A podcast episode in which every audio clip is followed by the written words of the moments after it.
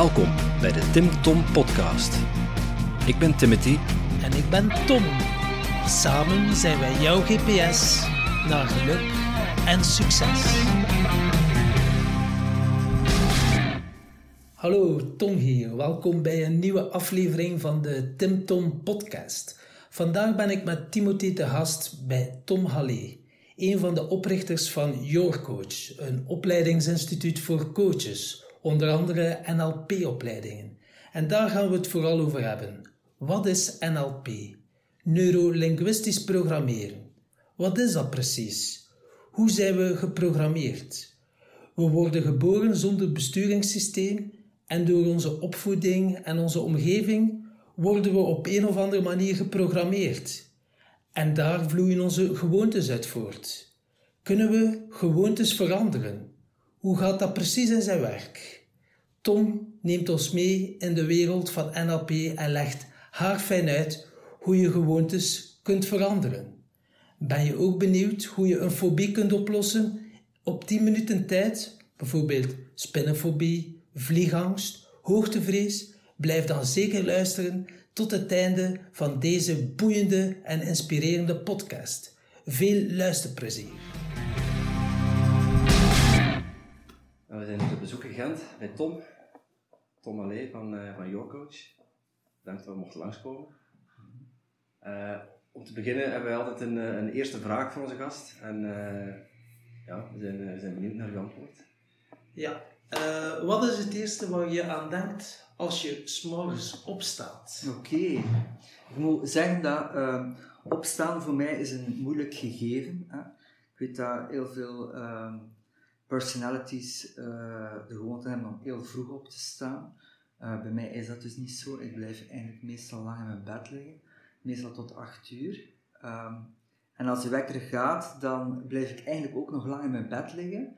En het eerste wat ik dan aan denk is um, mijn dag. Ja, en daarom denk ik, blijf ik ook lang in mijn bed liggen. Ik denk van oké, wat ga ik doen, wat komt er? En bijvoorbeeld als ik trainingen geef, um, ga ik eigenlijk zelden dingen voorbereiden, de dag ervoor. Maar ga ik wel dat moment nemen om eens goed te denken, uh, voilà, dat en dat en dat ga ik, uh, ga ik doen. Dus voor mij is het eerste wat ik aan denk echt heel praktisch van hoe ziet mijn dag eruit en waarop ga ik me uh, focussen op die dag. Ja, ik vind dat wel interessant ik ben zelf ook iemand die niet zo goed uit zijn bed kan, maar ik, ik, probeer me dan de dag te visualiseren. Is dat ook, ook iets wat jij dan doet? Ja, absoluut. Ja. Ja, ja. Dus ik, um, ja, ik stel me de dag voor. Um, ook um, hoe, wie dat ik ga zien. en hoe dat ik me ga opstellen er tegenover. maar dat klopt, dat visuele is een, uh, is een belangrijk aspect. Ja. Mm -hmm. En hoe zijn je daarop gekomen? Doe je dat al lang? Of is dat uh, ergens dat je dat gelezen hebt? Of is dat spontaan gegroeid? Spontaan gegroeid, denk ik, ja. ja. Uh, want als je dingen leest, eh, diende op te staan en zo verder. En diende vroeg op te staan.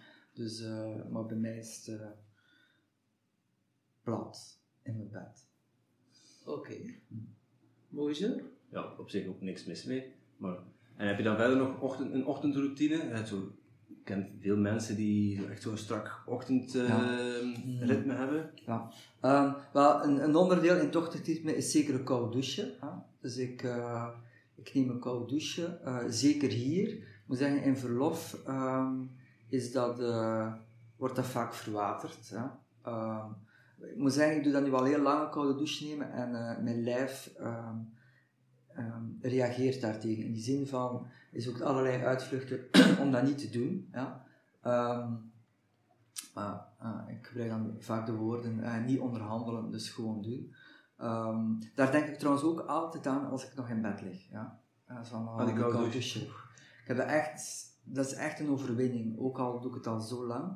Um, dus dat is zeker een deel van de routine, hè, dus de koude douche. En dan, maar moet zeggen, um, we zijn nu bezig met een, met een verbouwing en uh, waardoor dat die routine wat in de war uh, is, omdat ik vaak uh, toch moet vroeger opstaan om daar naartoe te gaan.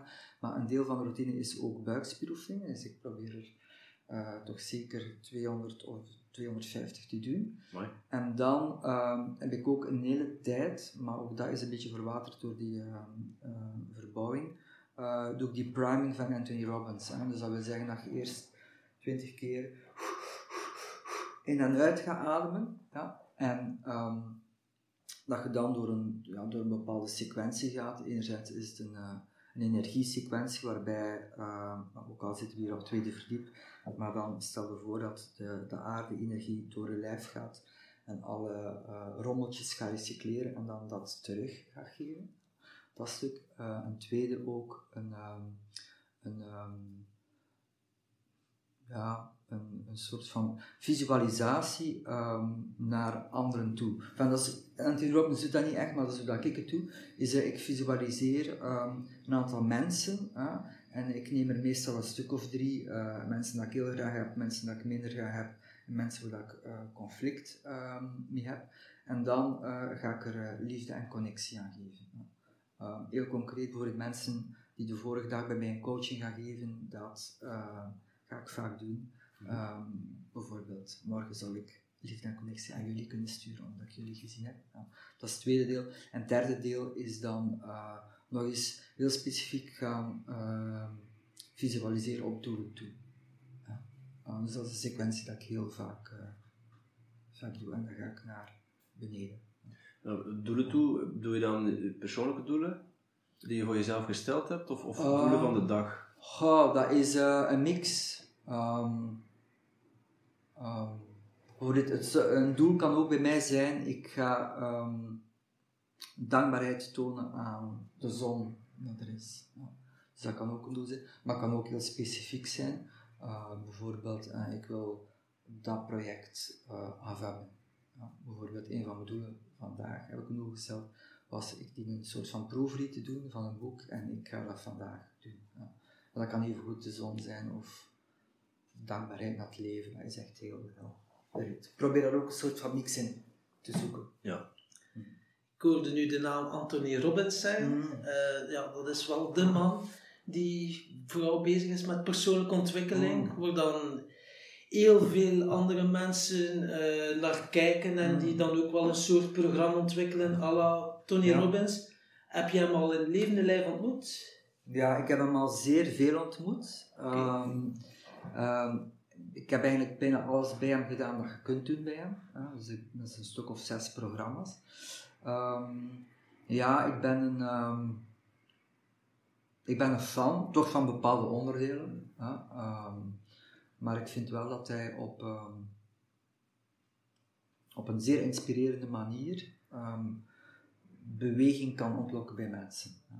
Uh, heeft daar natuurlijk zijn eigen dingen, hè, dat is met veel muziek, met veel mensen, hè, maar toch um, kun je de beweging merkbaar zien. Uh, dat is een deel van mijn beroep. Dus, um, en wat heeft jou dat opgeleverd? Als je zo één anekdote mm. dat nu spontaan in je opkomt? Ja, um, één anekdote is uh, Massive Action. Ja? Dat is, uh, heeft zo'n nou, zo drie onderdelen. Uh, maar één daarvan is Massive Action en dat is ook het stuk uh, waar ik zeer sterk in geloof. Hè. Uh, ik geloof dat we het straks gaan hebben over geluk en succes. En bij mij Massive Action is een, is een uh, onwaarschijnlijk belangrijk onderdeel uh, daarin.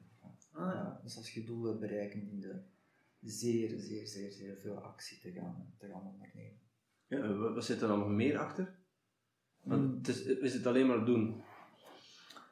Je moet in doelmodus schieten. Uh, ja, maar het dat er natuurlijk voorkomt is uw, uh, is uw staat. Ja? Dus uh, in welke staat gaat iets doen. Ja? En daar dient eigenlijk eerst op te werken. Van, je dient u eerst in een uh, soort van power state te brengen. en als je eens in die staat bent, dan kun je bepaalde actie gaan ondernemen. Een van de dingen is dat hij zegt, never leave the room um, without a power, uh, without a peak state. Ja, zo zegt hij. Never leave a room without a peak state. En, en dat is ook voor een stuk um, dat ik van geleerd heb. Dat is ook wat ik doe voor de opleiding. En voordat de mensen binnenkomen, ga ik me wel zelf in mijn kracht zetten. Waardoor dat de acties voor een groot stuk eigenlijk al vanzelf komen. En heb je een concrete tip voor de luisteraars? Hoe kan je in een peak state komen? Op welke manier uh, doe jij dat bijvoorbeeld? Hmm. Ehm, ik ehm, ga mijn peak state combineren met de koude douche. Hè. Dus als ik onder de koude douche sta, zeg ik van, als ik dat aan kan, dan kan ik alles ehm, aan hè, voor de rest van de dag. Hè. Dus ik ga het misschien, ja, ik ga het neurologisch verbinden met, uh, met de douche. En twee, ja, ik kan natuurlijk niet uh, op elk moment van de dag douche nemen, maar ik kan wel op elk moment van de dag dat, uh, dat gevoel terug oproepen. Ja. En dat is misschien hoe dat ik mezelf ga voorbereiden, is door mezelf in een, fysisch, in een, uh, in uh, fysiologisch in een, een power state te brengen.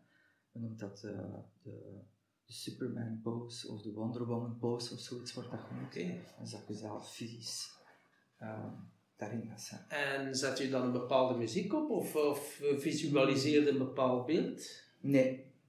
Nee, ik ga gewoon fysisch daarin gaan staan. Ik ga als dat natuurlijk helpt, is dat, is dat subliem. Hè? Ehm, maar uh, nee, dat ga ik niet doen.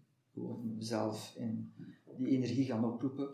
Uh, en misschien onbewust uh, gaan die dingen natuurlijk wel werken. Hè? Maar dat is niet iets wat ik bewust doe. Maar het kan wel. Ik moet zeggen, ik ga het zo aanleren aan mensen. Om mezelf in een piekstate te brengen, ga ik kunnen aanleren inderdaad om uh, enerzijds naar dat gevoel te gaan, maar anderzijds door een beeld op te plakken en ook door een, uh, door een geluid te, uh, af te spelen. Oké. Okay. En je, je zei het er net zelf, uh, we gaan het vooral ook hebben over geluk en succes. Mm -hmm. ik zou graag van jou weten, wat is jouw definitie van mm -hmm. geluk en succes? Oké. Okay. Um, In, in NLP, ik ben in NLP-terrein en in NLP werken we eigenlijk altijd op drie componenten. We hebben een stuk uh, emotie, hè, dus je gevoelens dat je hebt. Tweede, je gedachten, hè, je denkprocessen dat je hebt. En ten derde, je acties. Um, en um, voor mij is geluk en succes is dat je op die drie vlakken, dat je daar, in Engels hebben ze daar een vrij mooi woord voor. Ze hebben daar het woord hold voor. Um, dat is moeilijk te vertalen. Maar ik zou het vertalen als uh, het uh, vat hebben op. Ja. Dus voor mij is succes vat hebben op uw, enerzijds uw emoties, dat is uw staat, uw gedachten en uw uh, acties. Dus dat je zelf volledig één controle daarop hebt. Dat wil zeggen dat ze niet gaan uitschieten. Bijvoorbeeld gisteren, eigenlijk heb ik gisteren een slechte dag gehad. Eigenlijk heb ik, denk ik, vanmorgen in mijn bed zat ik dat te bedenken, heb ik vier keer ruzie gemaakt. Ja. Uh, waaronder het ergste moment was hier een beetje verder. Uh, ik reed daar met mijn fiets en uh, er was een, een, eh, man met een vrouw en een kindje. En ik zag die man een, eh, een plastic fles nemen en hem in de leien gooien werd onwaarschijnlijk kwaad. Waarom? Omdat ik daar zelf vreemd mee bezig ben met milieu en sorteren en dit en dat.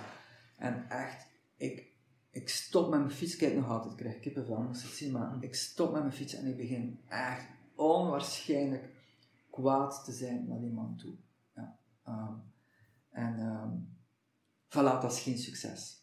Uh, op dat moment had ik geen vat op uh, mijn emoties. Mijn emoties sprong alle kanten uit. Mijn denkprocessen uh, was helemaal niet goed. En ook mijn gedrag was eigenlijk volledig out of order daar. Maar enfin, het is wat het is. Uh, het is misschien ook wel een filosofische kwestie van moet, dat, moet daar iemand voor aanspreken of niet. Een aantal zeggen van je moet dat niet doen, maar je gaat een klop krijgen. Tegenwoordig ja. loopt er dat risico, maar is dat dan een reden om, om u daarvoor tegen te houden? Ergens, ja. ergens veroorzaakt die situatie veroorzaakt bij u een emotie waar je voilà. ja, op dat moment geen vat over hebt. En hij zegt van, dat is dan een moment dat je eigenlijk je geluk verliest? Of? Ja, absoluut. Ja. Um, voor mij is dat uh, inderdaad geen geluk en ook geen succes, want ik heb op een ongecontroleerde manier een boodschap gegeven aan iemand Waardoor dat die persoon natuurlijk ook in verdediging is gegaan en mij ook begin is uitgescholden. Waardoor dat ik eigenlijk een, uh, een, een uur misschien uh, in een zeer, zeer, kwade modus heb gezeten. Ja, en dat is een modus waarin dat je geen massive action kunt nemen, geen goede vibes kunt hebben enzovoort. Ja. Um, dus voor mij is je succes dan nul op dat moment. Ja. Uh, en succes voor mij zou geweest zijn, moest ik dat onder controle hebben. Uh, en misschien op een rustige, bedachte, uh, begripvolle manier, liefdevolle manier, dat gezegd hebben aan de ander. Voor mij was dat succes geweest. Ja. En die hem ook van repliek, maar vanuit controle en... Ja, vanuit, ja, vanuit een, een kwaadheid. Ja. Uh, maar daar gaat het dan natuurlijk om, de kwaadheid dat ik dan die man toon, uh, of, of, die persoon, uh, is niet... Uh, dat gaat hem niet over dat, het gooien van dat flesje. Op de oppervlakte natuurlijk wel. Maar dieper zijn dat misschien frustraties over mijn zaak, over mijn leven, die op dat moment gerecycleerd worden naar die persoon toe. Nou, dus ik denk dat er altijd wel diepere lagen zijn dan gewoon Tom die reageert tegen het, uh, hier dan, uh, de vuilnis. Uh, dus ik denk dat er wel wat dieper omgaat. Dus op dat moment was ik niet succesvol. En gisteren was eigenlijk een slechte dag, want ik heb vier van die momenten gehad. Dus dat was echt niet oké. Okay. Dus gisteren was geen succesvolle dag. Enfin, it's part of life. Hè? ups en downs. Ja, ja. Voilà, dus uh, vandaag beter. Maar succes is dus vat hebben daarop, vat hebben op um, emoties, uh, gedachten en um, um, gedrag. En twee, want er is denk ik nog een heel belangrijk component dat erbij komt, is uh, anderen helpen. ik denk dat als je succes hebt op die drie vlakken, en gaat niet andere mensen helpen, dan is dat een, een wezenlijk component die, uh, die ontbreekt. Dus een stukje voldoening waar je dan daaruit zou moeten halen als, als mens? Of uh, is het, doe je, doe je op altruïsme? Of? Ja, altruïsme, voldoening, of ik weet niet, gewoon... Um, Zingeving, ja. Um, Bijvoorbeeld, um, ik ga terug aan Tony Robbins nemen. Want Tony Robbins is denk ik heel goed in, in die drie dingen onder controle houden. Ja. Alhoewel, hij heeft nu ook problemen. Um, en hij schiet er nu ook wel soms eens uit. Maar fijn, dat is een andere zaak. Um, maar hij doet ook heel veel... Uh, bijvoorbeeld, hij heeft uh, One Feed America. Uh, dat is een programma dat hij heeft. En hij wil 1 miljard mensen eten geven. en hij zit al denk ik ongeveer in de helft. En, dat is voor mij een wezenlijk onderdeel van succes. En dat is echt mensen helpen. Maar op een uh, gewoon mensen helpen. En niet om er iets terug van te krijgen. Uh, ook niet deel van het beroep. Hè. Ik ben coach en dan zou ik kunnen zeggen: ja, maar je helpt toch mensen? Nee, want mensen betalen mij daarvoor. En dus dan moet ik geen mensen helpen.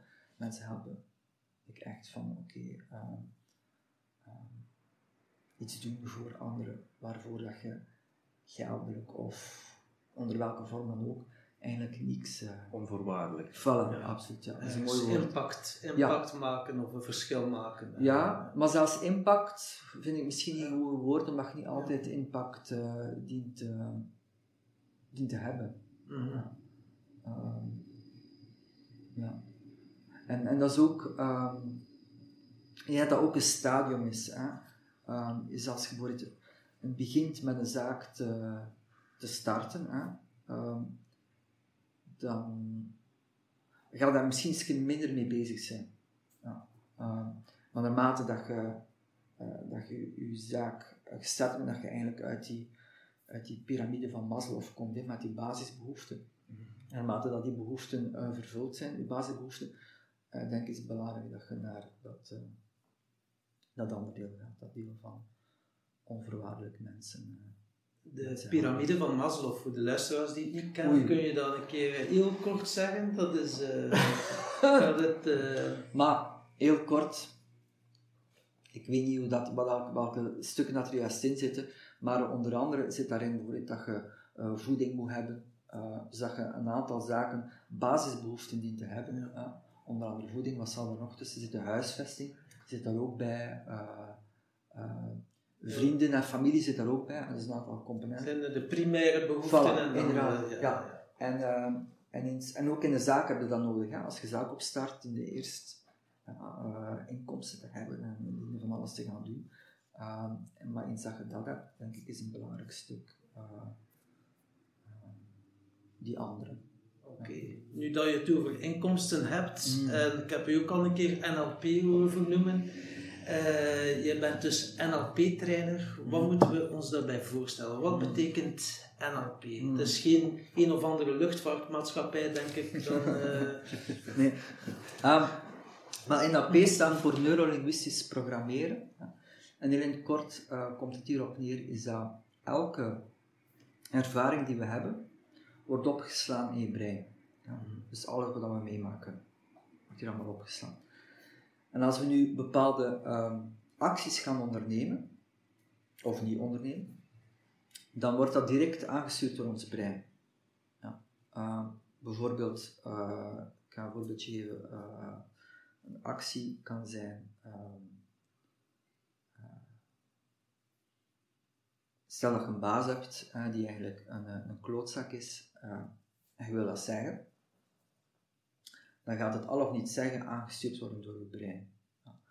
We zeggen, als in je brein eh, er bijvoorbeeld beelden zitten van vroeger, dan eh, dat, eh, dat stel dat je een strenge vader hebt en dat je moest luisteren naar je vader.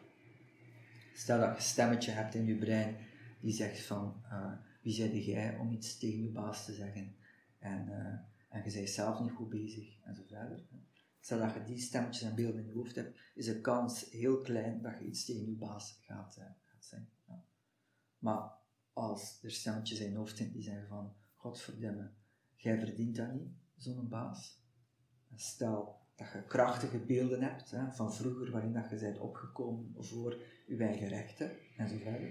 Stel dat die beelden in je hoofd zitten, dan is de kans vrij groter om naar je baas te gaan, om dat te gaan zeggen. En wat NLP nu precies gaat doen, is één, NLP gaat dat, gaan al die beelden die in je hoofd zitten, die stemmetjes, die eh, gevoelens ook, die gaat dat in beeld brengen. En twee, stel dat je naar je baas moet gaan en die stemmen en die geluiden en die beelden die zitten daar eigenlijk niet goed, dan gaan we die veranderen, zodanig dat je wel naar je baas kunt eh, gaan. En zo is het uiteindelijk met alles. We doen iets of we doen iets niet.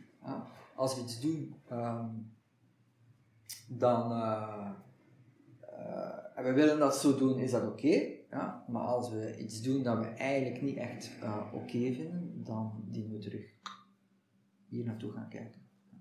Nee, ik, ik hoor je zeggen van beelden in je hoofd die een bepaalde ja, emotie dan oproepen, Ja. waardoor je, ik pak dan even terug wat je net zei, waardoor je gedachten worden aangestuurd en Mhm. waardoor je een bepaald gedrag gaat tonen. En je zegt als je die beelden verandert, Mhm. dan verandert dus ook eh, je gedachten daarover en je gedrag. Ja, En dat betekent dus eigenlijk dat je je leven voor een deel daarin kunt sturen of kunt, kunt, kunt maken. absoluut. Zeker en wat. Betekent dat ook dat je van een introvert iemand een, een extrovert iemand kunt maken? Dat kan, maar hier komt het. Er moet een eh, bepaalde, eh, wat wij noemen willingness zijn. Er moet een bepaalde wil zijn om dat te gaan doen. Eh, als die wil er niet echt is, dan, ehm, ja, dan gaat dat niet, eh, niet lukken. Ja. Ja, En er die- moet een bepaalde, ehm, ja, bepaalde wil zijn om dat te gaan doen. Ja, en die, die wil, kun je die dan ook bewust eh, oproepen of, of ja, programmeren? Ik hoor je NLP programmeren. Ja. Ehm, of is het dan meer dat, je, dat er echt een, een, een- een noodzaak moet zijn om iets te willen veranderen? Goh, nee, er hoeft niet echt een noodzaak, maar er is altijd een soort noodzaak natuurlijk. Maar eh, als jij beslist van, kijk, ik wil dat, ehm, ik wil dat doen, dan, eh, dan kan dat.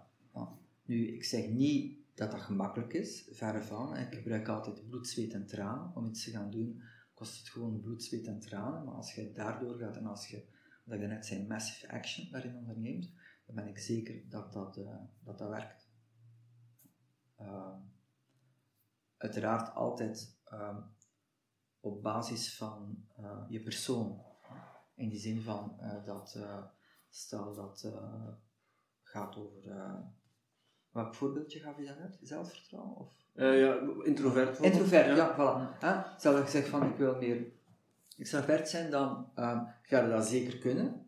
Ja? Maar dat gaat natuurlijk op jouw manier zijn. Hè? Mijn extravert zijn gaat anders zijn dan jullie extravert zijn. En dat is belangrijk dat we daar ook rekening mee houden. Van oké, wat is jouw manier om dat te, te gaan doen? Hm. Kan zeker. En ehm, kun je ons eens meenemen in, zo'n, in, in de stappen? Stel dat er iemand bij u Hmm. komt. Ehm, komen, die dan, komen die dan met klachten of komen die met, met een bepaald probleem Ja, bij u aankloppen? Wanneer, eh, wanneer komt er iemand... Voilà. Dus mensen komen met een probleem. Hè? En ehm, nu, een probleem, eh laten eens. Het is niet alleen dat ik doe, eh, maar bijvoorbeeld het probleem is, bijvoorbeeld, omdat het een mooi voorbeeldje is, wat duidelijk is, is mensen zijn bijvoorbeeld bang van iets, bijvoorbeeld spinnen. Dat is iets waar ik soms mee werk. Ja. Maar het kan even goed faalangst zijn. Of- vanuit angst. of Ja. vanuit de angst, ja. Nou, de psych, het principe is volledig hetzelfde of dat je angst hebt om je werk op te zeggen, ehm, of je hebt angst voor spinnen, of je hebt angst voor je schoonmoeder. Gaat over angst, ja. Het het principe is volledig hetzelfde. Want wat gebeurt er? En ik, ik ga de spinnen nemen omdat, omdat we daar iets bij, bij, bij kunnen voorstellen. Als ik dan aan die mensen vraag van oké, als ik zeg spin, wat gebeurt er? En dus het zou hetzelfde zijn als ik zeg schoonmoeder, wat gebeurt er? Als ik zeg uh, uh, falangst, wat gebeurt er? Als ik zeg spreken voor groep, wat gebeurt er? Ja? En dan gaat bijvoorbeeld iemand die bang is van spinnen, die gaat zeggen van, uh, ja, dan, uh, dan ben ik bang van die spin. Ja? En je kunt het niet zien wat ik het doe, maar um, die tonen een spin ongeveer van een halve meter. Dus wat gebeurt er? Die spin in hun brein heeft de omvang van een halve meter. En meer nog, um, die spin die, um, die zit niet alleen in, die, in dat brein, zo, zo heel groot, maar die gaat ook een beweging doen, bijvoorbeeld. Die gaan die zien, die harige poten die over hun armen lopen. En zo. Dus dat gaan ze zien, onbewust. Hè? Dus dat, ze zien dat niet echt? Uh, omdat dat op, in, op een andere manier in het brein is, maar uh, het gevoel daarvan wordt opgeroepen.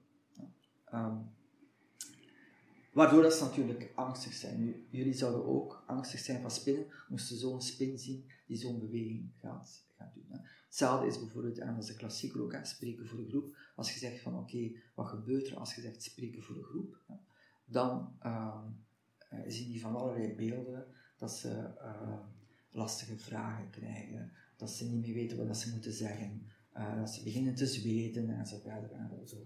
En, um, en dat is het eerste wat we altijd in kaart gaan brengen van oké, okay, wat gebeurt er fysisch in je brein? Um, twee, gaan we ook gaan kijken naar, um, want uiteindelijk aan bang zijn van spinnen is een, is een gevolg van.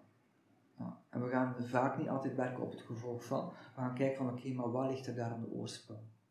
Wat maakt, of wat heeft ervoor gezorgd dat jij bang bent van spinnen? Wat heeft ervoor gezorgd dat jij bang bent van je schoonmoeder?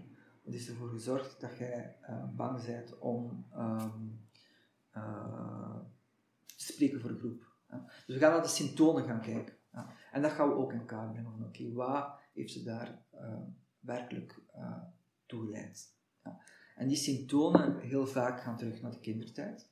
rond tien jaar wordt dat vaak allemaal ge geïnstalleerd. Hè. Dus we gaan vaak ook dan terug in het verleden kijken van oké, okay, wat wordt er gebeurd. Maar het is coaching, we blijven daar niet, we gaan naar de toekomst. Um, en in een derde stap gaan we eigenlijk vaak uh, kijken van oké, welke verbinding heb je gemaakt? Um, bijvoorbeeld als je het hebt over uh, uh, introvert zijn, zouden we bijvoorbeeld kunnen een verbinding gemaakt hebben vroeger van, ja, maar ja, als ik dat ben, dan uh, gaan mijn ouders me uh, liever graag zien. Iemand anders kan net het omgekeerde beslist hebben als kind. Van beslist, het is uiteraard een onbewuste beslissing. Hè. En dan gaan we kijken van, oké, ja, maar klopt dat eigenlijk wel? Of misschien toen klopte dat, maar klopt dat nu nog? Dan gaan we op die foute verbinding gaan werken. En in de laatste stap gaan we... Uh... Die, die, verbinding vind ik wel interessant. Dan, je, je doelt op uh, een, een, ja, eigenlijk een, een herhalende reeks gebeurtenissen uit de jeugd, of een eenmalige gebeurtenis, Mhm. die ervoor zorgt dat je op een bepaalde manier handelt vanuit Hmm. een soort, ja, moet ik dat denken, veiligheid. Absoluut. Veiligheid, bescherming of een soort um, please-gedrag naar anderen toe. Ja, eh, en die anderen zijn dan bijna altijd per definitie de ouders. Ja, om, om, om je ouders content te stellen, om je leraren content te stellen, om, om je vriendjes content te stellen. Voilà. Ja, ja. Voor, ja, dus, ehm ehm, ja. je gaat altijd, ehm zijn gedrag heeft een oorzaak, een zeer, als je zeggen, diep ingewortelde gedragingen, die per definitie gaan die terug naar de kinderen zijn, of naar een bepaald trauma. Hè. Bijvoorbeeld, een, een, met trauma bedoelen we dan bijvoorbeeld eh, pesten op school. Hè. Voor een kind is dat eigenlijk redelijk traumatisch. Dus een kind gaat daarop beginnen reageren. Door eh, zich bijvoorbeeld af te sluiten. Of door juist heel rebels te worden. Of, hè, en de kind kan allerlei zaken gaan, eh, gaan beslissen. Dus, dus die connectie dat we, dat we in kaart gaan brengen. En eigenlijk zeggen van oké, toen was dat correct. Maar eigenlijk nu klopt dat niet meer. Dus dan gaan we een soort van dualiteit eh, terechtkomen. En wat NLP dan gaat doen, is, uh, eens dat we dat in kaart hebben, dan gaan we die terug juist. Dus dat wil zeggen, dat klinkt een beetje raar, maar die grote spin, die gaan we terug naar de grootte brengen, uh, wat normaal heeft. En die stemmen uh, van die ouders, die gaan we terug zetten naar de juiste stem. Ik kan me, nu, kan me nu wel voorstellen, iemand die echt een panische angst heeft van spinnen en, ge, en gezegd van roep een keer dat beeld van die spinnen, dat die toch uh, begint te, te, flippen of zo. Of oh. kan je dan ook... Absoluut, ja. Dus, en dat is het mooie ervan. Hè. Dus iemand, en dat is ook een oefening die we doen bij de NLP trouwens, is gelijk welke angst die iemand heeft, bijvoorbeeld voor een spin, die ga ik echt hier laten oproepen. Ja? Tot zelfs een moment hè, waarop dat die uh, ja, eigenlijk gewoon gaat beginnen flippen. Ja. Uh, en dan ga ik de link leggen van, kijk, we zitten hier op een stoel, in een veilige omgeving, dan we weten zijn er hier geen spinnen. En toch kun jij volledig uit de bol gaan met het gedacht alleen van een spin. En dat is voor mij een cruciaal moment, want als je vanuit het niets uh, kunt beginnen flippen, dus dat wil zeggen, je kunt het gevoel verergeren, verergeren, verergeren, kun je vanuit het niets ook dat gevoel terug gaan verminderen. En dat is de dualiteit. Dus we geven hier een bepaalde keuze aan iemand. Van oké, jij kiest ervoor wat je gaat doen. Ga je volledig flippen op iets, of ga je in een rustige staat gaan? Ga je vat hebben op je acties, je gedrag, je emoties, wat succes is voor mij? en ga je dat onder controle houden. Hmm. Dat is wel makkelijker gezegd dan gedaan, lijkt me. Absoluut, ja. bloed, zweet en tranen. Ja. Nu moet ik wel zeggen dat vaak uh, bij uh, bepaalde uh, zaken het wel instant is. Ja. Dus soms gebeurt dat wel, dat inderdaad als ze hier op die stoel zitten en dat er gewoon dat er een klik iets, ja, dus dat er hier iets gedeblokkeerd wordt in je brein, ja, dat kan. Ja, dat gebeurt zelfs vaak zo met NLP. Maar soms is dat inderdaad een, uh, ja, een, een, werken. Hè. Gaat je dat dan beeld veranderen of gaat je dat gewoon volledig deleten of resetten? Ja. Is dat precies dat op een nee. resetknop uh, duwt? Nee, dat is nooit resetten, dat is nooit deleten. Um, en dat is heel bewust. Um, dat is een bewust proces dat we ook gaan inoefenen. Hè. Um, maar uh, je mag de beelden ook nooit, of de geluiden of de stemmen, uh, mogen ook nooit te veel veranderen, want dan gaat het daar instinctief ook een, een bepaalde weerstand tegen hebben. Hè. Wat we dan er wel vaak mee gaan doen is, is een andere mogelijkheid, we gaan er iets naast zijn. We gaan iets tegenover zijn. Uh, en door er iets tegenover te zijn, gaat, uh, de, gaat het oorspronkelijke beeldgeluid of gevoel geneutraliseerd worden. En NLP, en wat doet mij een beetje denken aan hypnose. Je gaat iemand ook Mm. naar een bepaalde staat brengen en zo. Mm. Wat is eigenlijk het verschil tussen NLP en hypnose? Of Mm. heeft dat meer verband dan we zouden denken? Ehm, dat kan. Ja. Nu moet ik zeggen, enerzijds, ik gebruik niet graag het woord hypnose. Waarom dat, men, waarom dat mensen daarop flippen, op het woord hypnose. Ja. Ehm, wat dat ze gelijk hebben is dat zowel bij hypnose als bij NLP, dat als we oefeningen doen, dat we vaak in een relaxe modus gaan. Ja. En die uh, relaxe modus kun je een uh, hypnotische toestand noemen. Er is nog een bijkomend verschil, is dat bij NLP ga je het zelf doen.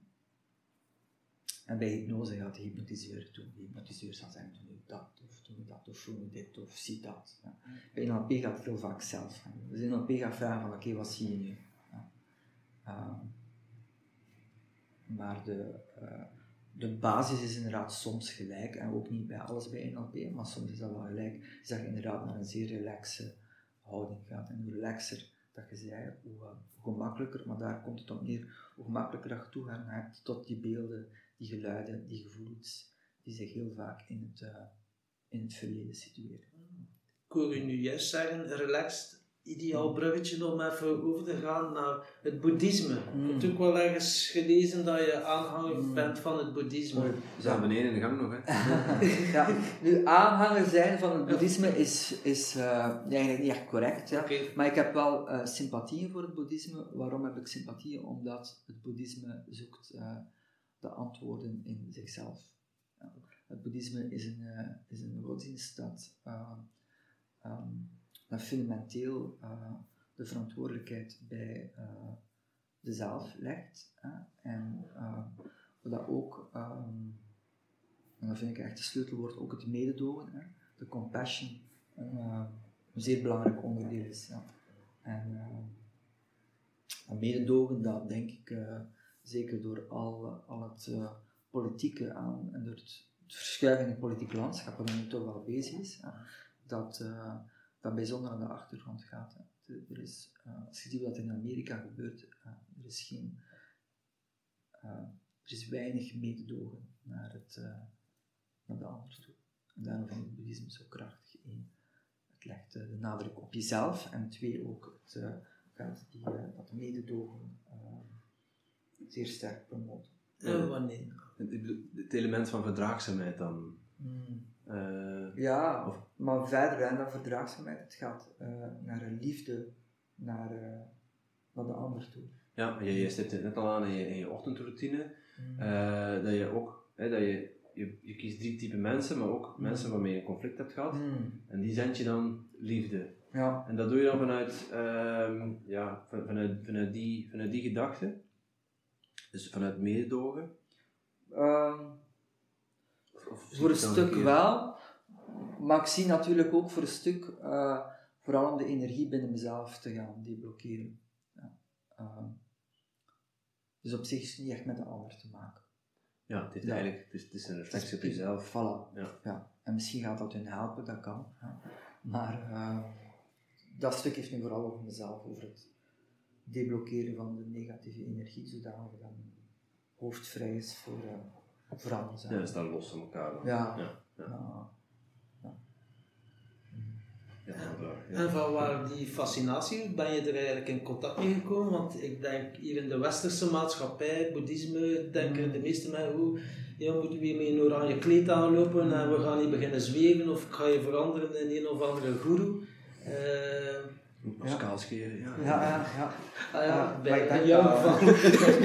um, nee, mijn fascinatie is ook, uh, voor mij gaat het ook um, over het soort van uh, wat ik noem het exotische boeddhisme. ik ga heel veel naar Azië en daar, uh, het land zelf is, uh, is daar nog volledig verweven met, uh, met boeddhisme. wat bij ons ook vroeger het geval was. Hè. In elk buurtje hadden we een kerk. Hè. Nu, wij zijn die connectie eigenlijk volledig verloren. Um, en daar heb je dan nog. En, ik ga vrij naar Azië. Dus de beelden die ik hier heb, zijn ook een stuk souvenirs van emoties, van, van bepaalde avonturen die we daar hebben beleefd. Dus het gaat ook niet alleen over, het, over, het, over de religie aan zich, maar voor mij gaat het ook een stuk over emoties, over, over avonturen die we hebben meegemaakt. En betekent dat dan ook dat je dan twee, drie uur per dag op een meditatiekussentje nee, zit te mediteren? Niet. Ik mediteer niet. Ja. Okay. Ik, kan, ik kan geen vijf minuten stilzitten. Um, zonder te denken. Uh, daarom doe ik ook die ochtendroutine op die manier, om enerzijds kort, ja. en twee, ook, het is, blijft nog altijd iets actiefs. Ja. Het is niet uh, mijn gedachten volledig vrijmaken. Okay. Dus dat stuk doe ik zeker. Ja, ja, ja ik hoor dan... Ik, uh, ik weet niet of mediteren per se is dat je, dat je helemaal je gedachten moet leegmaken. Ik denk dat er, dat er verschillende vormen zijn. En ik, als ik het zo hoor, dan ben je er wel heel bewust mee bezig. Om s morgens zeg maar die peak state op te roepen. Ja. Um, maar dat is dan meer vanuit persoonlijk leiderschap. Misschien wel, ja. Ja. Want. Um, ik vind het misschien wel interessant om, om over, die, over die peak state en over dat persoonlijk leiderschap. Je gaf net al aan mm. van hey, als je, voordat je een coaching sessie hebt, um, dat je dat bewust bij jezelf oproept. Mm. Um, maar ja, misschien goed om, om uh, vanuit Tony, Tony Robbins is er ook heel veel mee bezig. Mm -hmm. uh, persoonlijk leiderschap, in je kracht staan. Wat, uh, wat maakt het dan voor jou zo belangrijk is om, om daar dagelijks mee bezig te zijn? Mm. Omdat um, uiteindelijk dat stuk gaat bepalen um, uiteindelijk gaat dat stuk uw, acties bepalen. Als, als je dat niet doet en als je niet in, in zo'n soort van state gaat. En ik moet wel zeggen, ik gebruik niet graag het woord peak. Waarom? Omdat peak is zo, mij zo op, zodat je de hele dag opgeschokt loopt. Maar een staat kan ook zijn uh, een staat van rust, uh, een staat van liefde, uh, staat van begrip, wat ik heel duidelijk gisteren niet had. Uh, weet je, dat is ook een, dat is ook een, een belangrijk iets dat je dient te kunnen oproepen. Want als je dat kunt, dan gaan ook je acties anders zijn. Stel dat ik gisteren een staat had van rust, dan zou ik me daar niet aan geërgerd hebben in dat uur dat ik daarmee bezig, of zelfs dat twee uur dat ik daarmee bezig was um, dan um, um, zou ik andere dingen gedaan hebben. Ja. en, en zo'n staat. Ik ben gisteren met mijn petekindje geweest naar de Lion. Uh, en uh, er is er een heel mooi moment in uh, waarbij dat, uh, de jonge Simba, de jonge koning, in een soort van dal zit, waar hij zich goed in voelt. Bij de mammoeten. Voilà, ja. ja, ja, ja. En ze voelt hem daar goed en, en dan komt hem zijn vroege liefje tegen en zegt van ja, maar ja, je zit hier in een, in een gouden kootje, maar echt thuis zijn er problemen en je moet terugkomen. En zegt hij nee, nee, nee, ik wil niet, ik wil niet. Uh, ik vind dat hier goed en, en zo verder. Um, en um, dus op een bepaald, ik krijg kippen van. En op een bepaald moment um, is er dan toch uh, dat ene moment uh, waarin je beseft van oké, ik ga terug en ik ga het daar gaan oplossen. Kijk, en dat is voor mij de staat waarop dat we allemaal dienen te werken. Want als je door die staat kan, ja, en ook fysiologisch hebben ze dat zo mooi gebouwd, dat je hem werkelijk ziet veranderen. Ja. Um, en dat is het eerste cruciaal moment. En het tweede cruciaal moment is dan dat zijn tegenstander, hè, uh, Scar, en wijst van ja, maar ja, je hebt um, uw vader uh, vermoord hè, en die gelooft dan eigenlijk dat. Uh, dan gaat hem terug volledig in, niet meer in piek zijn, maar in volledige crisis. Hè. en ook daar gaat hem op een moment terug in een ander soort van staat gaan zetten en gaat hem uiteindelijk tot overwinning komen. Um, en dat is denk ik ook exact wat er in, in het echte leven. Hè. Uh, want het is natuurlijk een metaforisch verhaal. In het echte leven gebeurt als je jezelf een andere kracht laat oproepen. En dat kan zijn uh, uh, sterkte, maar dat kan even zijn rust, dat kan zijn liefde, dat kan van alles en nog wat zijn. Als je dat gaat oproepen, gaan je acties ook volledig in sync zijn met hetgeen dat je opgeroepen hebt. En daar gaan we, dat oefen ik dagelijks in. En ik ik ga verder van proberen dat dat elke dag lukt. Verder, verder van. Zoals gisteren niet bijvoorbeeld, maar doorgaans lukt het wel. En dat is denk ik deel van het leven. Hè. Soms lukt het, soms lukt het niet. ja, cool. hoorde nu zeggen, Lion King, The Jungle, De Wilde, Dieren. En ik was even aan het eh, surfen op je website en je omschrijft jezelf als een olifant. Ja, ja, klopt. Ja. Dat is gekomen, hè. Ik, eh, het is al lang geleden, eh, denk ik een jaar of twaalf, eh, was ik met mijn collega Benjamin aan het wandelen in, in Schotland. Ja. Onze baas was een Amerikaan en die wilde natuurlijk overal de meetingsjes organiseren. Dat hip is voor Amerikanen en Schotland kastelen en zo verder. En we liepen daar rond en dat was net een periode van een bepaalde film. Ik ben de film vergeten.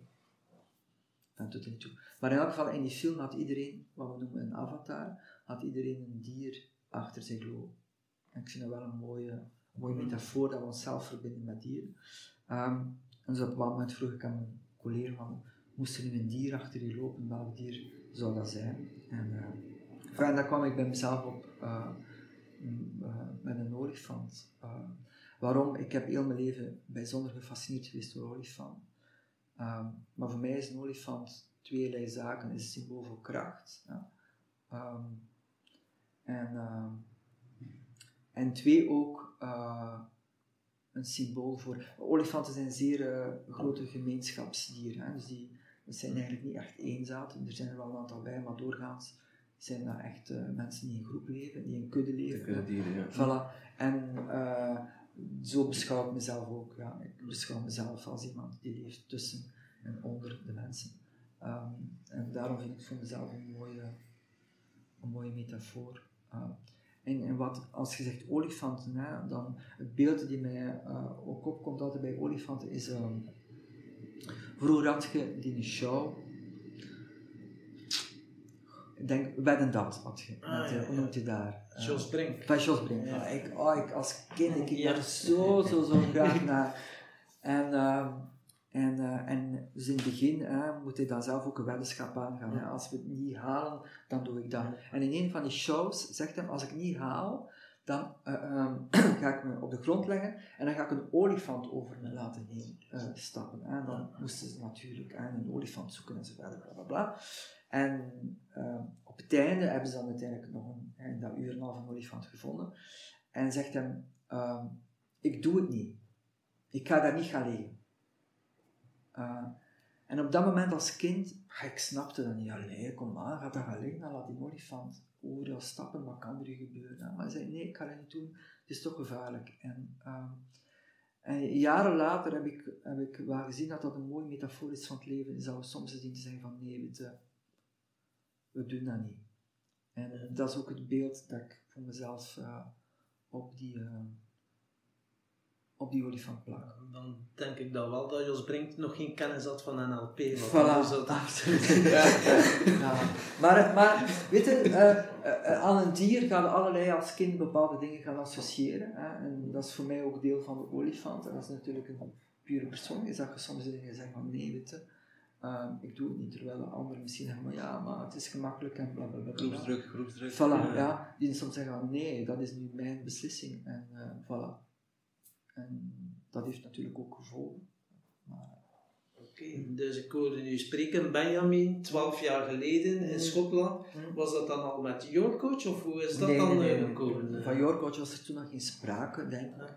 Uh, Misschien wel, misschien ik weet niet. Maar we zijn eigenlijk wel later gekomen um, uit een bepaalde, hoe zou ik zeggen, um, ja, misschien is dat wel een woord, frustratie naar het bedrijfsleven. Hè. Je zit in een soort van uh, functie uh, waar dat je wel succes hebt, hè. we hadden uh, ontegensprekelijk veel succes, maar dan, dan voel je toch wel de beperkingen, denk ik, enerzijds van het ondernemerschap. Hè.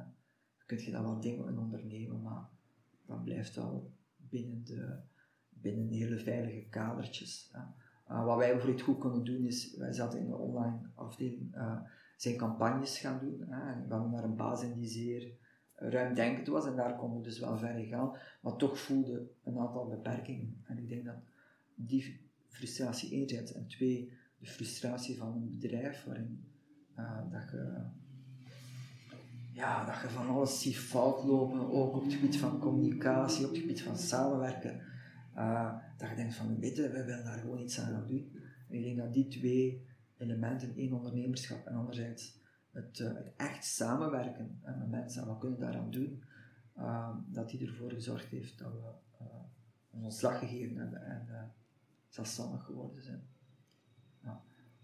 En zij dan van de ene dag op de andere met Benjamin, oké, we gaan ons CV indienen en we gaan zelf iets beginnen. Ja. En hadden dan al een idee van, oké, we gaan die richting of... Uh... Ja, we hadden zeker een idee. Hè? Ja, dus we gingen coaching doen. Ja. Nu, tien jaar geleden, niemand kende coaching. Hè. Nu natuurlijk is dat zeer hip. Maar nu in de hoek van de straat zit er een voilà. Ja. Ja, hier in onze straat vier bijvoorbeeld. Ja. Vier concurrenten van mij. Maar uh, zwart. Ja. Um, toen uh, uh, niemand. En wij hadden zo'n soort van... Ja... ja, wij hebben van de ene dag op de andere dag onze werk opgezegd. En, maar ik moet wel zeggen, toen kwam uiteraard ontnuchtering. Hè, dat die coaching ja, wij hadden nog geen klanten. Wij konden dat toen eigenlijk ook nog niet echt. Ja. Dus wij hebben dat moeten opbouwen. Hè, met bloed, zweet en tranen. Nog altijd trouwens. Um, en, uh, maar toen hadden we in het begin wel een soort van, uh, wat wij noemen een cash cow gezocht. Hè. Dus dat we zeggen, iets waar we gemakkelijker geld mee konden verdienen dan coaching. En bij ons toen was dat wat we ook vroeger als werk deden, online marketing.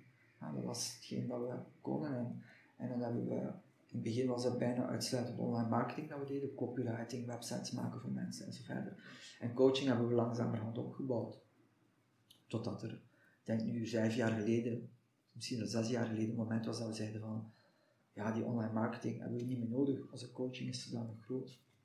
En dat is nu onze uh, coaching is onze core business. Zodanig groot, dus uh, jij oorspronkelijk was jij en Benjamin mm. en nu uh, is het gegroeid. Uh. Ja, dus we hebben verschillende trainers, we hebben een tiental loopbaanbegeleiders okay. die voor ons werken. En uh, ja, dus nu is dat een heel ander. Maar ook nu nog hè, dienen, we, dienen we verder te kijken. Hè. ik, er is zo'n mooie quote, het is niet helemaal de quote waarin het geschreven is van, van Churchill, waarin hij zegt. Uh, succes is niet, is niet permanent en falen is ook niet voor altijd. En daar denk ik echt wel dagelijks aan. Oké, we zijn misschien succesvol, maar er moet maar één iets gebeuren morgen en, en dat kan volledig gaan, gaan omslaan. Er zijn talrijke voorbeelden in de geschiedenis die, dat, die dat hebben nagedaan. Dus we zijn er wel mee bezig, is dat we onszelf moeten blijven in vraag stellen, dat we moeten kijken naar nieuwe zaken die we kunnen gaan doen, ja. um, uh, nieuwe ontwikkelingen. En dan moet je eigenlijk per definitie al kijken naar Amerika, want daar staan ze toch altijd tien stappen verder uh, dan ons. Dus iets erom denken als het ja, op coaches en op, absoluut, ja, ja, op jezelf ontwikkelen Zeker, uitgaat. En, en we zien al, hè, de markt verandert, hè, op, zeker voor coaching, hè, want nu, tien, wat tien jaar ontstaan is, hebben nu in coaching mensen die er een carrière willen maken. Hè. Ja, dus je hebt echt carrière mensen in coaching. Vroeger had je dat gewoon niet. Dus daar moet je rekening mee houden. Coaching is een beroep aan het worden. Hè. Dus je hebt mensen die, uh, die ja, dat carrièrematig gaan plannen. Hè. Um, twee ook hebben we natuurlijk in het online gegeven. Ja. dus uh, de jeugd die eraan komt, die, wat dat wij hier nu doen, uh, ik denk de jeugd zal dat niet meer zo doen. Het zal allemaal online gebeuren en met online conferenties. Dit gaan we ook online zetten, hè? Ja, ja, ja. ja. ja oké, okay, dat is ook inderdaad, dat is een zeer belangrijk een nieuwe, een, een nieuwe optie, ja. Absoluut, ja. Ja. Maar, en dus dat merkte, hè, dus dat dat landschap ook aan het veranderen is, dan moeten we ook nu zien van, oké, okay, hoe gaan we daarmee mee omgaan? Um, voilà, dus we moeten blijven... Zelf ontdekken, blijven hard, hard, blijven werken. Absoluut, om, uh, ja, ja. En um, ik vind het wel interessant om even terug te gaan naar dat punt waarop jullie beslist hebben om jullie job op te zeggen. Mm. Um, als je kijkt, ja, tenminste, uh, wellicht dat er mensen zijn die nu aan het luisteren zijn, mm. die met zo'nzelfde idee zitten, van, ja, ik wil eigenlijk ook wel voor mezelf beginnen. Bij jullie was dat meer vrijheid en meer um, uw eigen plan trekken, uw eigen route willen ja, kiezen. nu, oké, okay, ik wil daar misschien nog wel iets over zeggen. Wat er ook bij zat, dat klinkt misschien een beetje raar om te zeggen, was ook het, uh, voor een stuk het geldaspect. Ja, uh, financiële. Ja, en dat wel als volgt, is dat wij uh, waren uh, met twee en wij hadden een, uh, een sales target van, van denk ik 12 miljoen dollar, hè, dus zo, misschien toen 10 miljoen euro. Ehm, en, uh, en wij zagen dus al dat geld binnenkomen. En jullie kregen gewoon maandelijks Voilà. een salarisje. En ik dacht van, godverdomme, wij willen dat gewoon zelf doen. Hoe kunnen wij dat? Hoe doen wij dat hier voor een ander? Hoe kunnen wij dat ook zelf doen? Hè? Ehm, dat bleek wel iets moeilijker te zijn en zo verder. Toen kwam de koude douche, ja. Voilà. Maar dat heeft wel voor een stuk gespeeld. Hè. Ik geef dat eerlijk toe. Zo van, oké, ja, wa- waarom zouden we dat voor een ander doen als we dat zelf ehm, ook kunnen hebben? Ja, dat is ook draai, dat is ook die, die financiële vrijheid eigenlijk dan. Hè? Ja, Maar ja, als je die stap gemaakt had, dan kwam het besef, oei, ja absoluut. ehm, nu staan we er alleen voor. ja. Eh, niemand gaat ons helpen, nu is het aan ons. Mm. En toen hebben jullie, ja, enerzijds wilden jullie coach worden, Mm. dat was jullie hoofddoel. Anderzijds wilden jullie ook voldoende inkomen genereren, Ja. want ja, met de coaching in het begin ging dat niet lukken om rond te komen. Dus er moest een, eh, een product naast om Voilà. voldoende financiën mee te genereren. Ja, een product dat je vlug en met minder moeite in de markt kunt zetten. Ja. En dat is hetgene als mensen bij mij in coaching komen eh, om, eh, om zelfstandig te worden. Kijk, moesten wij in die tijd, man, wist, qua, coaching is dat nu wel een landschap, maar je in die tijd, konden we onmogelijk direct geld verdienen met coaching. En veel van die zaken zijn zo. Stel dat iemand zegt van, ik wil eh, meubels eh, maken en meubels verkopen hè, als, als, als hoofdactiviteit. Ja, weet je, eh, als je dat begint, de kans, er zijn er, hè, er zijn zeker uitzonderingen, maar de kans dat je daar direct geld mee kunt verdienen is, is zeer klein. Ja. Ja, dan raad ik altijd anders van, oké, maar eh, zet daar iets naast, iets naast die wel gemakkelijker is. Ehm, en ga die twee in de markt zetten. En kijk dan, oké, wat gebeurt er? En, kan ik eventueel dat ene gaan vervangen door het andere dan uiteindelijk? Uh, maar direct iets in de markt zetten is zeer, zeer moeilijk. Ja. En we zien dat genoeg. Ik heb veel mensen die hier komen en die uh, loopbaanonderbreking hebben. Wat ik merk hè, is dat er in die zes maanden of die acht maanden dat ze loopbaanonderbreking doen, dat er weinig of niks gebeurt. Ze zitten te denken, te dit, te dat, maar er komt gewoon geen, geen actie. En na die zes maanden komen ze hier en zeggen ze, ja, oké, ja, het was zeer leuk, maar niks gedaan. Um, en waarom niet? Waarom? Omdat die, die brug van A naar B, of laat ik zeggen van A naar Z, gewoon veel te groot is. Een brein kan dat gewoon niet... Ze willen ja. direct in één stap daar zijn voilà. waar, ze, waar ze willen zijn. Absoluut. Ja. ja. En, en dat gaat niet, dat moet je doen met tussenstappen. Ja, dan moet je misschien zeggen, ik ga part-time werken. Ja. En dan part-time ga ik dat tweede, of ik ga iets zoeken. Allee, er zijn heel wat mogelijkheden uh, hier, uh, hier mogelijk. Uh, maar in, in de stap dat we nu hebben we veel succes, nogmaals. Dat wil niet zeggen dat we morgen ook nog succes gaan hebben, want nu hebben we wel succes. Maar dat is er niet in, naar jaar na jaar na jaar overgewerkt. Na jaar na jaar zijn we de ene weg ingeslaan, ah, het lukt niet, de andere weg ingeslaan, het lukt niet. En, en het begint ook altijd klein. Oké, okay, nu hebben we misschien 20 man in onze opleidingen en zitten die opleidingen vol, maar de beginopleidingen hadden we drie, vier man. Begin jaren, als we één coaching per maand hadden, dat was echt... Dat was feest. Dat was feest, ja. Nu hebben we er vijf per dag. Ja, ja oké, okay, ja. Dus je dient, een, uh, je dient door een bepaalde beweging te gaan. En dat is wat veel mensen uh, niet zien. Uh, omdat veel mensen gaan zich spiegelen aan succes. En dan zien ze eigenlijk al een eindproduct. Ja. En gaan zeggen, ja, maar ja, dat succes, dat wil ik ook. Maar ja, kan ik dat niet? En in die dualiteit gaan ze verloren. Ja, ze kijken dan op. Aan de ene kant kijken ze op naar u, aan de andere kant is ja. er een stukje jaloezie van, dat wil ik ook.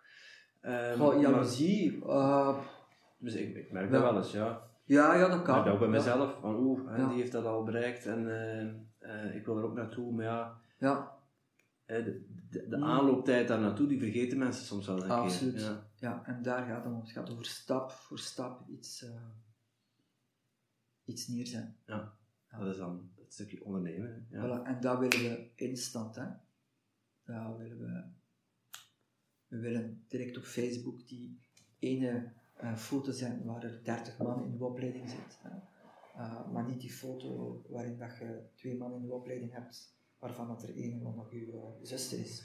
ja, ja, ja, ja. Maar dat is wel de realiteit. Ja. Je moet ergens beginnen. Ja. Mooi inzicht denk ik wel. Ik zeg altijd, weet je, we hebben nu, als je in onze eh, zaal komt, hebben we daar allemaal prachtige foldertjes zien, hè, die veel geld kosten qua design, qua drukken enzovoort. Uh, maar dat is uiteraard niet hoe dat we begonnen zijn. Hè. We zijn begonnen met gewoon eh, eh, blaadjes te kopiëren, naar de kopietheek te gaan, eh, ze te vouwen en ze zelf in half Gent in de brievenbus te gaan steken. Dat is de realiteit waarin we begonnen zijn. Ja. We hebben natuurlijk mensen die dat doen voor ons, maar Voilà. En ik denk dat we dat ook altijd uh, onder ogen dienen te, zien- dienen te zien. Hè? Is dat, we, uh, um, ja, dat er een bepaald pad is die we dienen af te leggen, dat het pad ook kan afgesloten worden en dat we dan een ander pad um, moeten gaan bewandelen. Hè? Voor het stel dat ik stel maar, hè, dat de overheid morgen zegt van die coaching, we stoppen daarmee, je mocht dat niet meer doen, Mhm. dat is alleen maar voor psychologen. Al is dat bullshit in mijn ogen, maar fijn.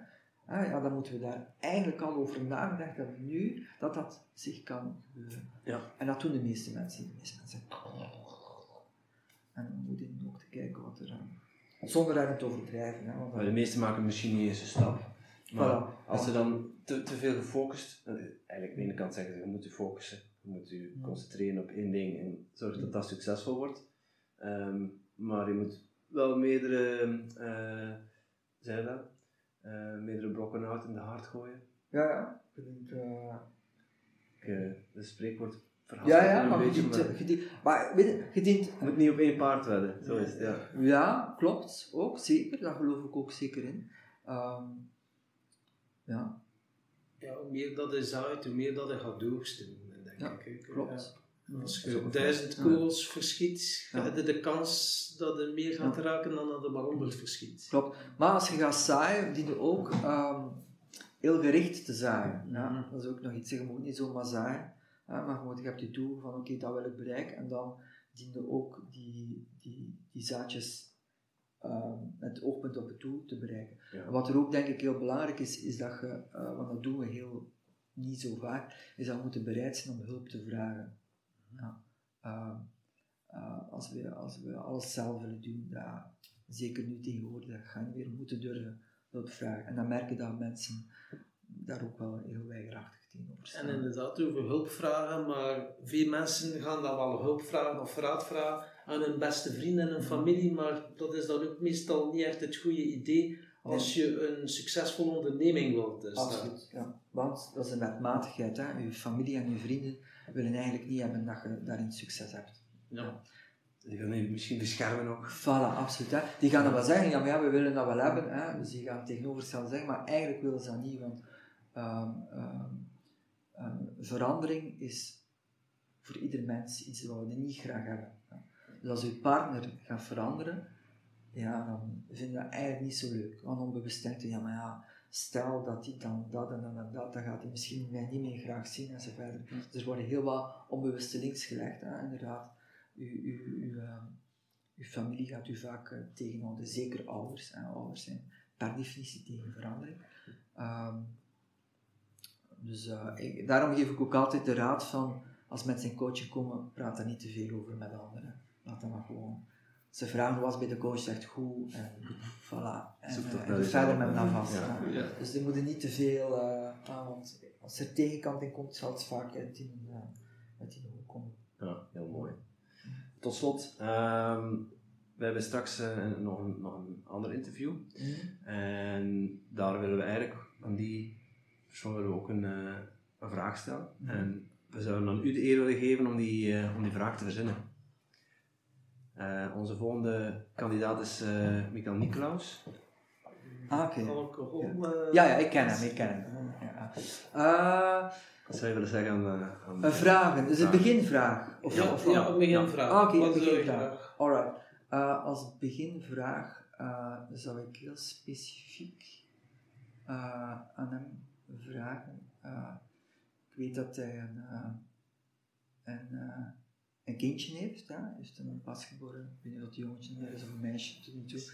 Eh, is die meisje? Ja. Ja, oké. Ehm, zou ik aan hem vragen van, oké, wat eh, zou je terug willen ehm, van, eh, die leeftijd uh, van uh, dat, uh, dat meisje. En wat zou je niet willen? Wat zou je, welke kwaliteiten of welke dingen dat dat kindje doet, zou je terug willen hebben? Ja? En wat zou je niet willen hebben? Ja. Voilà. Oké, okay, mooie vraag. Ja. En dus jij bent dan bij Yorkcoach. En waarvoor kunnen mensen bij jou terecht? Ik hoorde nu, ja. je bent uh, opleider en ja. je doet individuele begeleiding. Mm. Kan je er iets ja, specifieks dus eigenlijk kunnen ze bij ons terecht voor twee zaken. Enerzijds voor alles wat met individuele coaching betreft. En dat gaat heel breed, breed van uh, dingen op het werk veranderen als uh, relaties, als wat dan ook. Eigenlijk elk veranderingsproces dat je doormaakt, daarvoor kun je uh, bij ons terecht.